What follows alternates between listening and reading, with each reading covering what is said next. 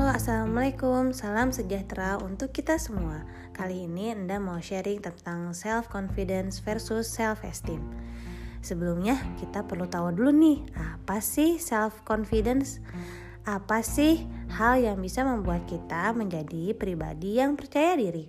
Rata-rata orang merasa percaya diri karena mereka memiliki sesuatu Memiliki keahlian, memiliki uang, atau memiliki hmm, sesuatu hal yang bisa dia banggakan.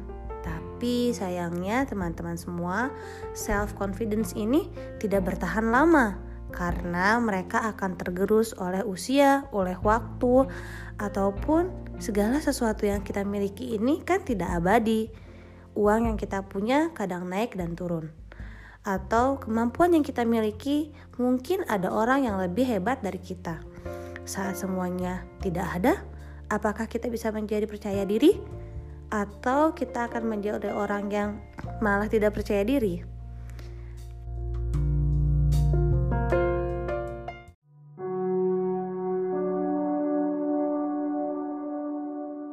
Ternyata teman-teman memiliki self confidence saja tidak cukup.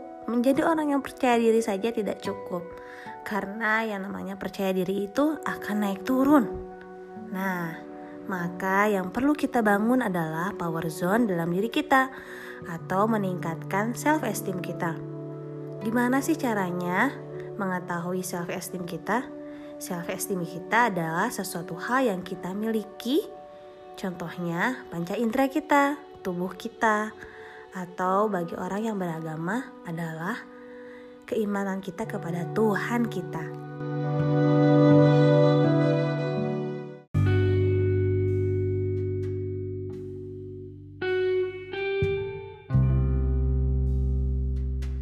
Tubuh kita, panca indera kita, keimanan kita kepada Tuhan kita, sesuatu hal yang akan melekat kepada kita selama kita hidup. Mereka tidak akan meninggalkan kita, ya. Tubuh kita akan ditinggalkan saat kita tidak ada di dunia ini, kan? Dan Tuhan kita pasti tetap ada, betul? Hmm, itulah modal teman-teman semua saat akan mendapatkan self esteemnya. So, teman-teman semua perlu sadari, teman-teman memiliki tubuh dan teman-teman memiliki Tuhan yang paling keren. Gimana caranya meningkatkan self esteem ini? Di kesempatan lain Anda akan cerita ya. Tapi sharing kali ini cukup sekian. Terima kasih.